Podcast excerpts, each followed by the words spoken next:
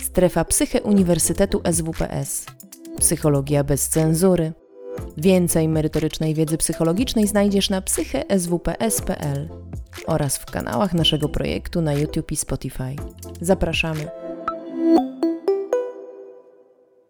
Bardzo dziękuję za zaproszenie. E, ja tylko dodam, że współpracuję też z Polskim e, Towarzystwem Psychodelicznym i e, tam możecie Państwo znaleźć dużo ciekawych informacji odnośnie właśnie różnego typu też wydarzeń związanych z edukowaniem odnośnie substancji psychoaktywnych. Wracając do, do tematyki wykładu, zaburzenia związane z używaniem konopi indyjskich mm, powszechnie są nazywane uzależnieniem od konopi.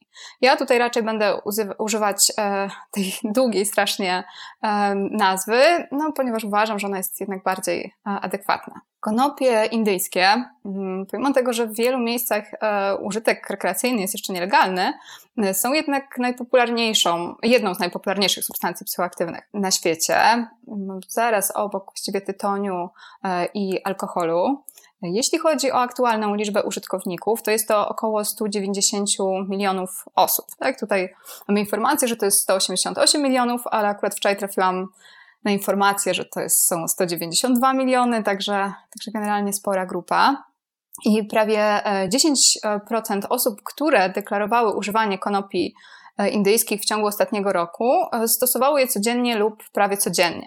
Więc takim, to był taki, to jest taki raczej intensywny, tak, regularny wzorzec używania.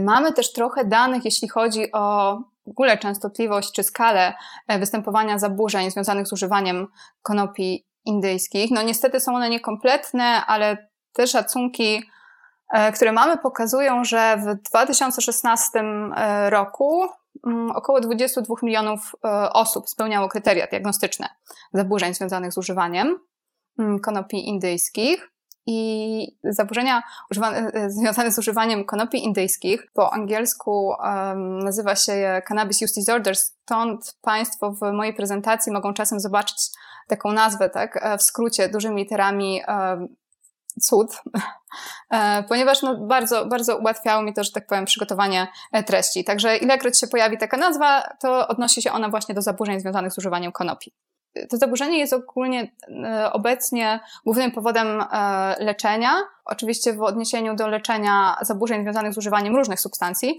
e, na świecie. I to jest prawie 40% osób, które są na leczeniu związanym z właśnie problemowym używaniem substancji. Tak? To, są, to są konopie.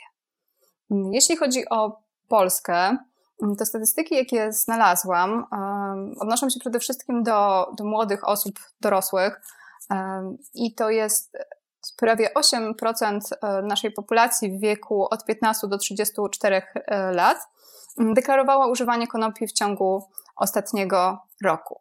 I w Polsce również e, powielają się te statystyki, o których już wspomniałam, odnośnie zgłaszania się na leczenie, ponieważ w 2018 roku liczba osób zgłaszających się z powodu właśnie używania konopi, czy to marihuany, czy haszyszu, e, wynosiła 40% wszystkich osób zgłaszających się na leczenie. I co ważne, to były osoby, które zgłaszały się po raz e, pierwszy. Jeśli chodzi o same konopie indyjskie, one mają bardzo złożony e, skład chemiczny, który jest ważny nawet pod kątem zaburzeń związanych z używaniem. O tym Państwu jeszcze troszkę szerzej opowiem. Wyróżniamy tu różne związki, przede wszystkim kanabinoidy, tak? Ich jest, ich jest no, właściwie teraz wskazuje się, że nawet około 140. E, najlepiej poznane z nich to tetrahydrokanabinol i cannabidiol. E, mamy również różne inne związki aktywne, mm, ale na nich się tutaj nie będziemy koncentrować. I konopie działają na układ endokannabinoidowy, który każdy z nas posiada. I on jest ważny dla regulacji wielu podstawowych procesów fizjologicznych, takich jak regulacja stresu, sen, stany zapalne, funkcjonowanie poznawcze.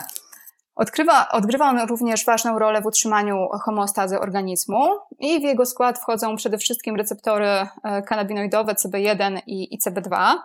E, receptory CB1 są najliczniej obecne w naszym mózgu, natomiast receptory CB2 w układzie odpornościowym.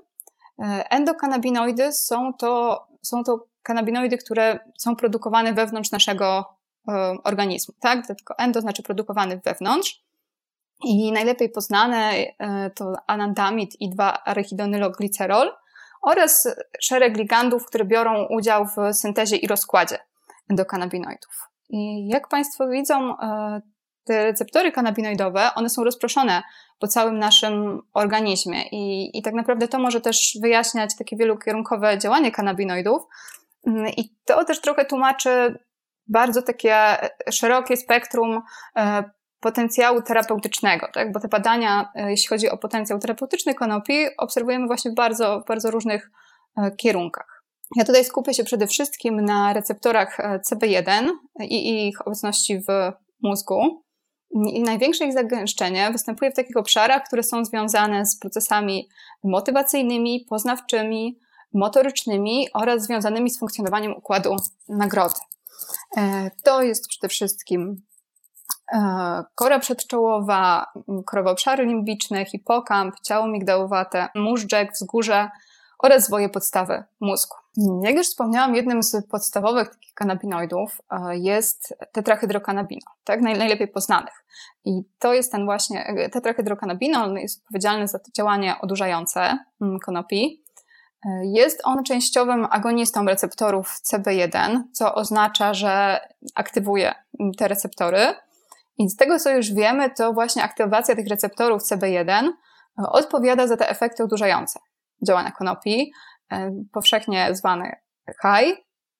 I, I łączy się to przede wszystkim z taką łagodną euforią, e, z intensyfikacją doznań zmysłowych, z występowaniem też takimi objawami fizjologicznymi jak e, suchość w ustach, przykrwienie spojówek, tak? może również występować przyspieszone tętno mm, oraz pogorszenie funkcji psychomotorycznych i poznawczych, z tym, że to pogorszenie jest też zależne od częstotliwości używania konopi.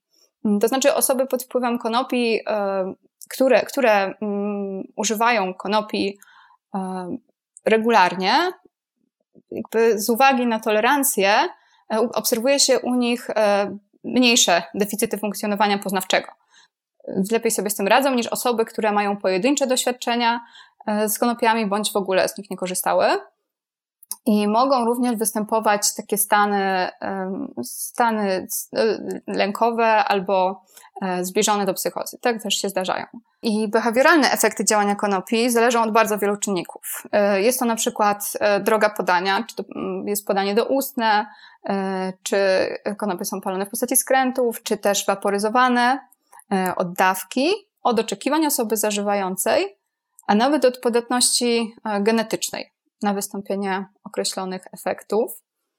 Jeśli chodzi o cannabidiol, o jego mechanizmach e, działania, tak naprawdę no coś już wiemy, ale jeszcze nie wszystko.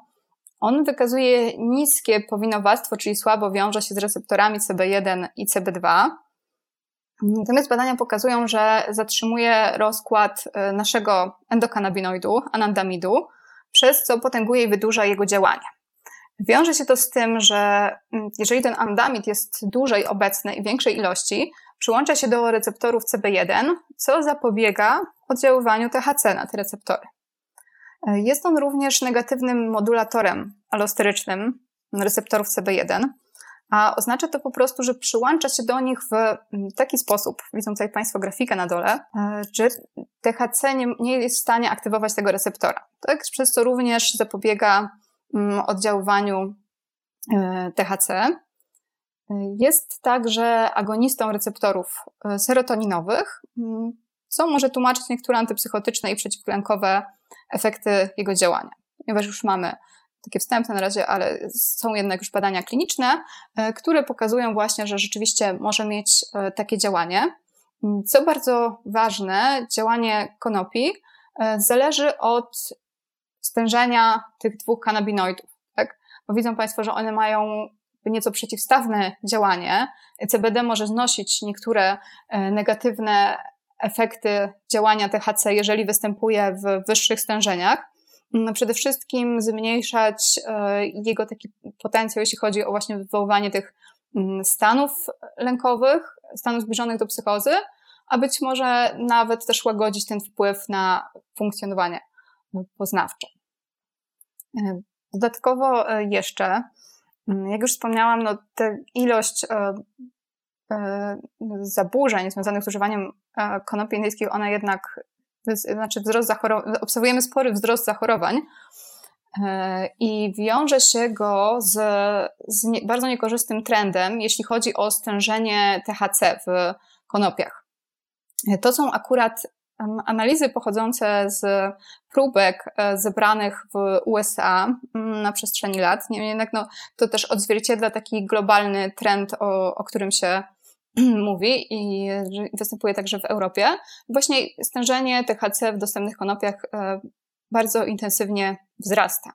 Tak? A to stężenie, stężenie THC bezpośrednio wiąże się z potencjałem uzależniającym. Im więcej, ponieważ ma wtedy zdecydowanie silniejsze e, działanie nagradzające. E, poza tym powoduje też większe, większe deficyty, czy to właśnie w funkcjonowaniu poznawczym. Generalnie ten, ten wpływ negatywny jest zdecydowanie większy.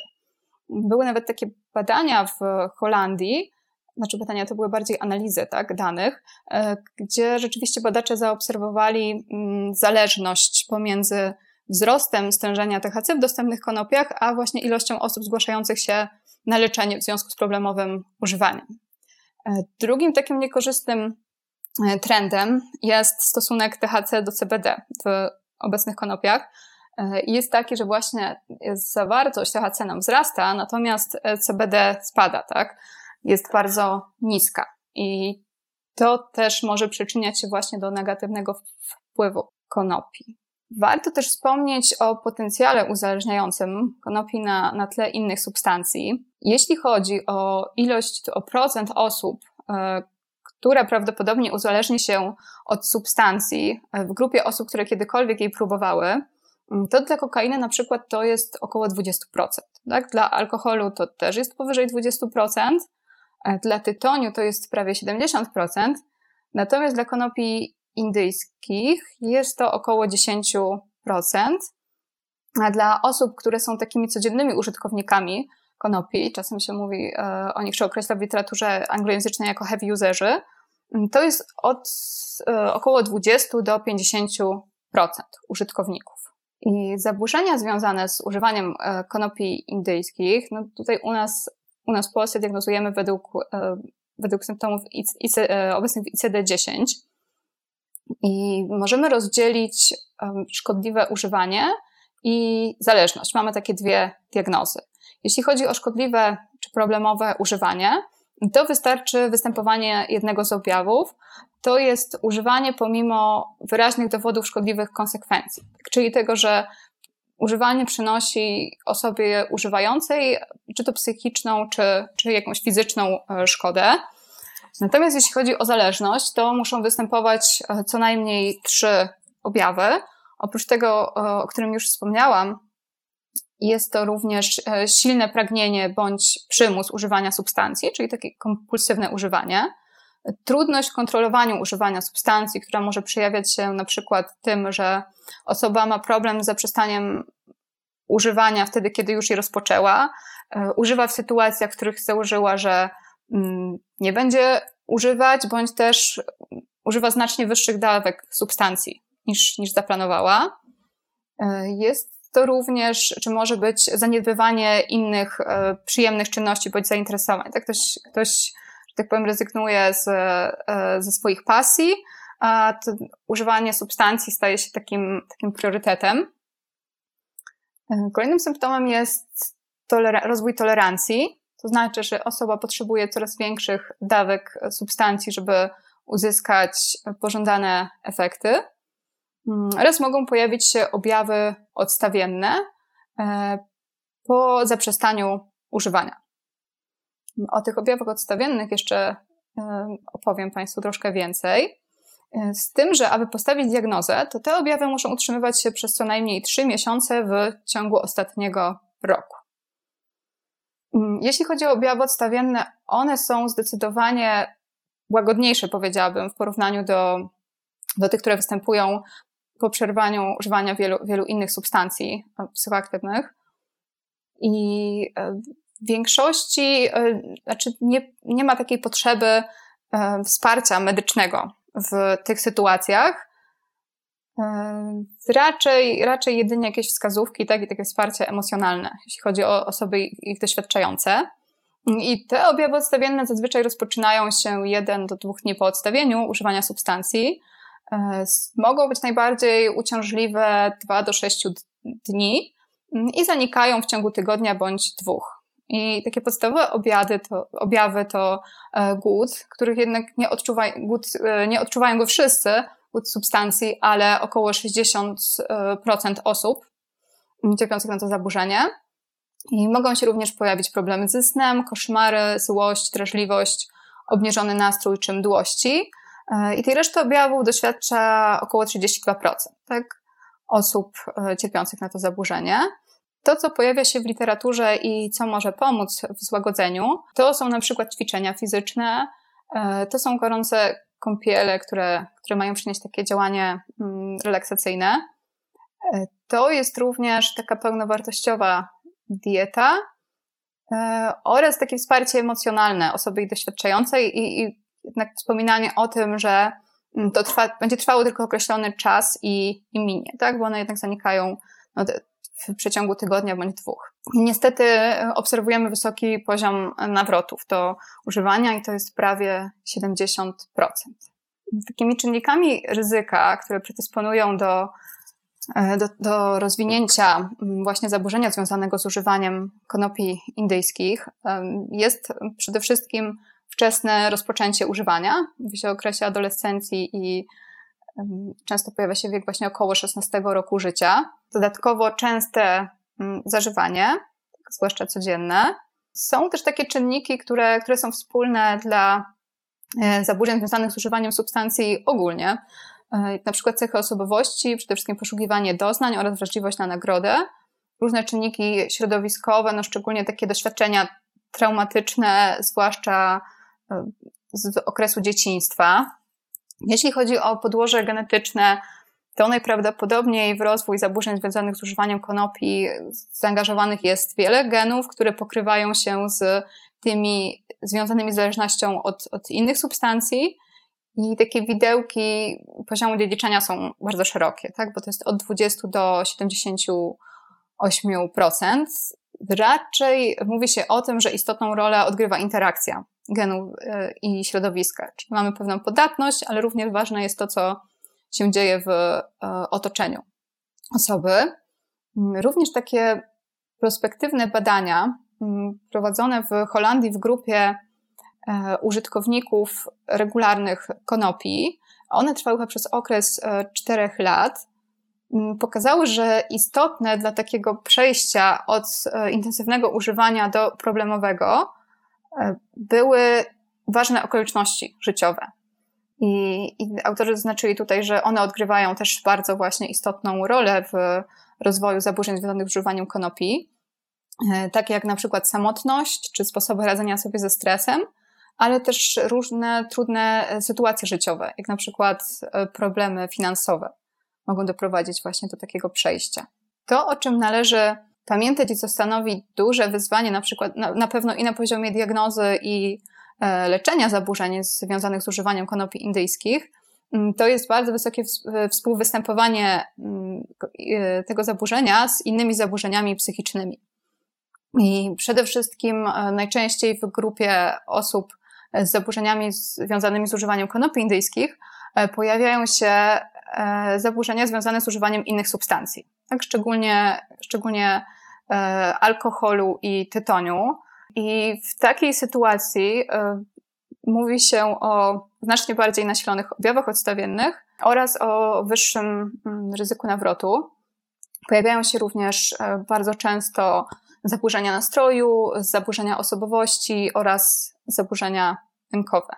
W wyniku długotrwałego mm, zażywania konopi w mózgu następują pewne zmiany, Mm, przede wszystkim dlatego, że system endokanabinoidowy, na który działają konopie, on jest wysoce adaptatywny. To znaczy, że przy takiej długotrwałej ekspozycji, przede wszystkim na THC, następują pewne zmiany w zagęszczeniu receptorów kanabinoidowych oraz poziomie endokanabinoidów. E, to jest takie podłoże, tak, tolerancji, która rozwija się na działanie substancji.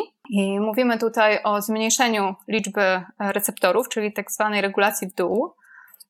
Te receptory, one są internalizowane, czyli są wchłaniane do wnętrza mm, komórki i ich ilość spada. Mówimy też o desensytyzacji receptorów, czyli o tym, że ilość, że receptory stają się mniej, mniej wrażliwe E, oraz e, no, część badań pokazuje zmniejszenie e, poziomu anandamidu, czyli tego naszego naturalnego mm, kanabinoidu, który, który sami produkujemy.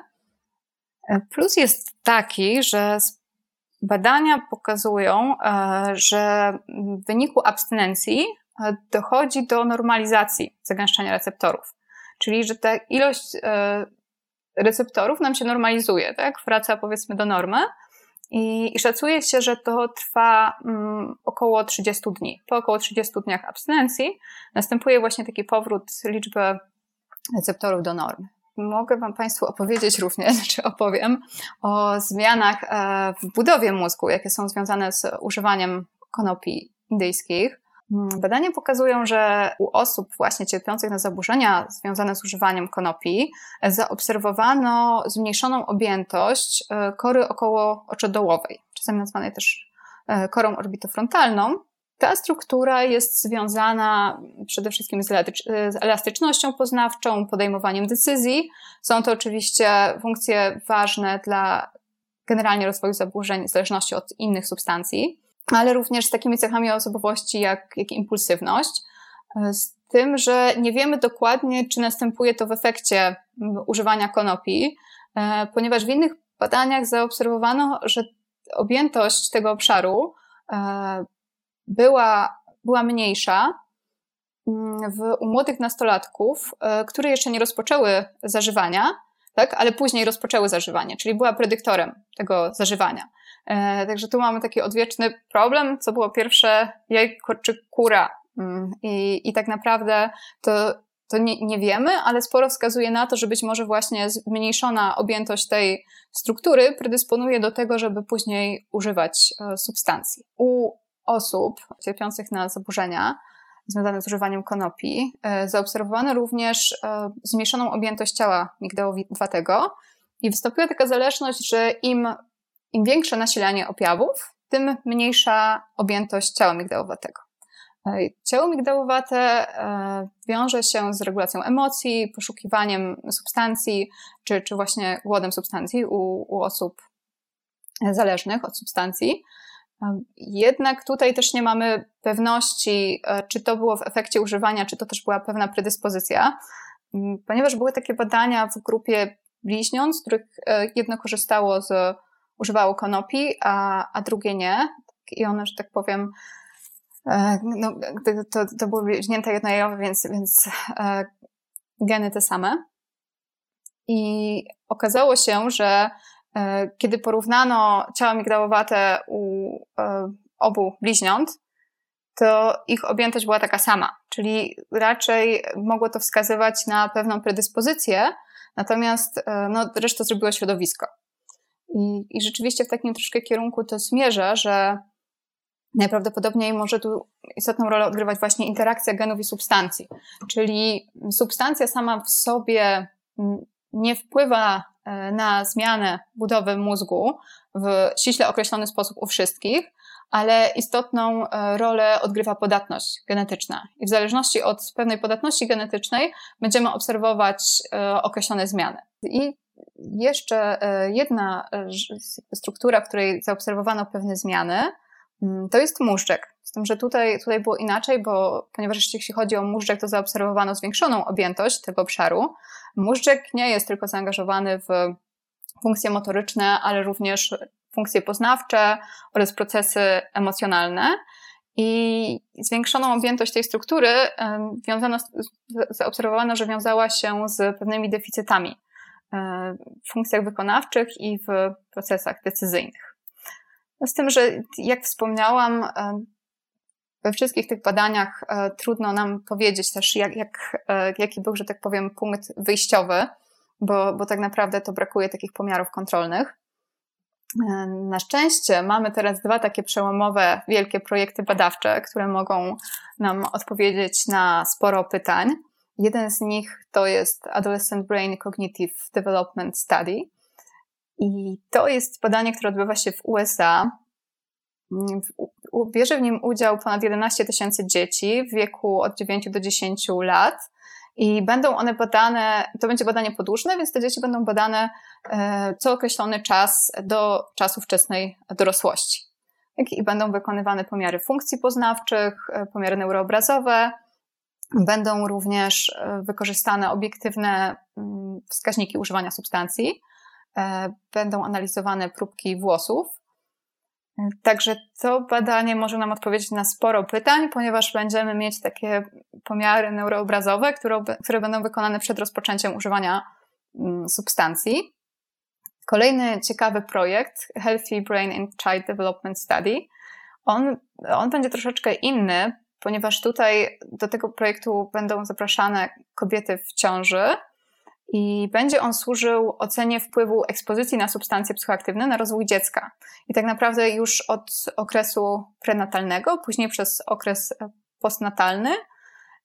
I te pomiary mają trwać około 10 lat, więc na wyniki jeszcze troszkę będziemy musieli poczekać. Jeśli chodzi o leczenie w ogóle zaburzeń związanych z używaniem substancji, Mhm, to za najbardziej takie skuteczne uważa się połączenie interwencji psychospołecznych oraz farmakoterapii. Niestety w przypadku, e, w przypadku konopi e, nie mamy żadnej zatwierdzonej farmakoterapii. Jest troszeczkę badań nad różnymi substancjami. Część z nich to są agoniści receptorów CB1, czyli, czyli po prostu substancje pobudzające mm, aktywujące ten receptor, tak samo jak THC i, i tu przy, przede wszystkim e, były próby wykorzystania ich do łagodzenia objawów odstawiennych, no natomiast one się nie sprawdzają przy, mm, przy, przy, obniżenia, przy obniżeniu poziomu nawrotów. E, były również badania z wykorzystaniem SSRI, ale też nie do końca z powodzeniem. E, za to największe nadzieje wiąże się e, z cannabidiolem. I mamy pierwsze badania kliniczne, które są bardzo Mm, obiecujące, więc, więc to jest taki e, najlepszy kandydat e, na farmakoterapię tych zaburzeń. E, jeśli chodzi o interwencje psychospołeczne, to najczęściej w literaturze pojawia się terapia wzmacniająca motywację, terapia poznawczo-behawioralna oraz zarządzanie możliwościami. Skuteczność tych podejść czy tych metod jest oceniana dość dobrze, z tym, że ważny jest, e, ważny jest czas trwania. Jeżeli to jest około 10 sesji rozciągniętych na kilka, mm, od, może, może od 10 sesji w górę rozciągniętych na kilka miesięcy, to skuteczność jest znacznie wyższa niż w przypadku takich krótkich oddziaływań, tak, które się składają na kilka sesji i trwają około miesiąca. Tu skuteczność była zdecydowanie e, niższa. Mm, jest też, nie wiemy jeszcze dokładnie, jak to jest e, z ze skutecznością w dłuższej perspektywie czasowej, ale sporo badań jednak pokazuje w takiej krótszej perspektywie, że mamy do czynienia z nawrotami. Pojawiają się też takie nowe podejścia, jak nawet wykorzystanie medytacji, ale teraz na tym etapie jeszcze trudno nam ocenić skuteczność podejścia.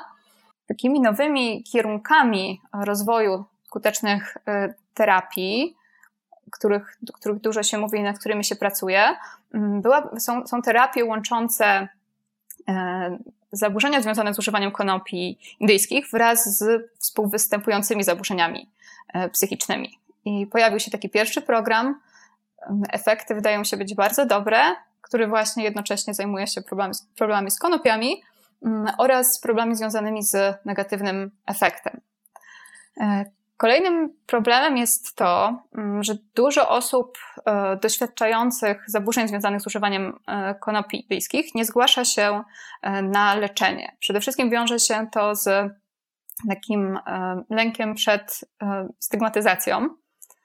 I w związku z tym również potrzebne są takie terapie, które pozwoliłyby to w pewien sposób przeskoczyć, tak? I dobrym kandydatem wydają się być e, terapie, mm, przede wszystkim e, takie w formie formie online, które nie wymagają zgłaszania się na leczenie.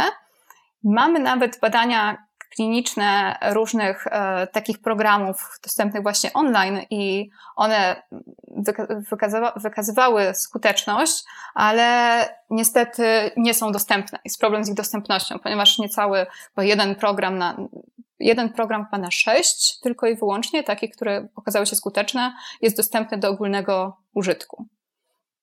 I mamy jeszcze pewną trudność e, w zdefiniowaniu e, efektywności leczenia, mm, ponieważ e, trudno powiedzieć, czy ta abstynencja ma być optymalnym celem oraz, mm, no, oraz ocena skuteczności leczenia w takiej dłuższej perspektywie czasowej. Tak, to jeszcze, to jeszcze jest przed nami. To wszystko, co chciałam Państwu opowiedzieć. Mm, dziękuję serdecznie i życzę Państwu miłego dnia. Do widzenia.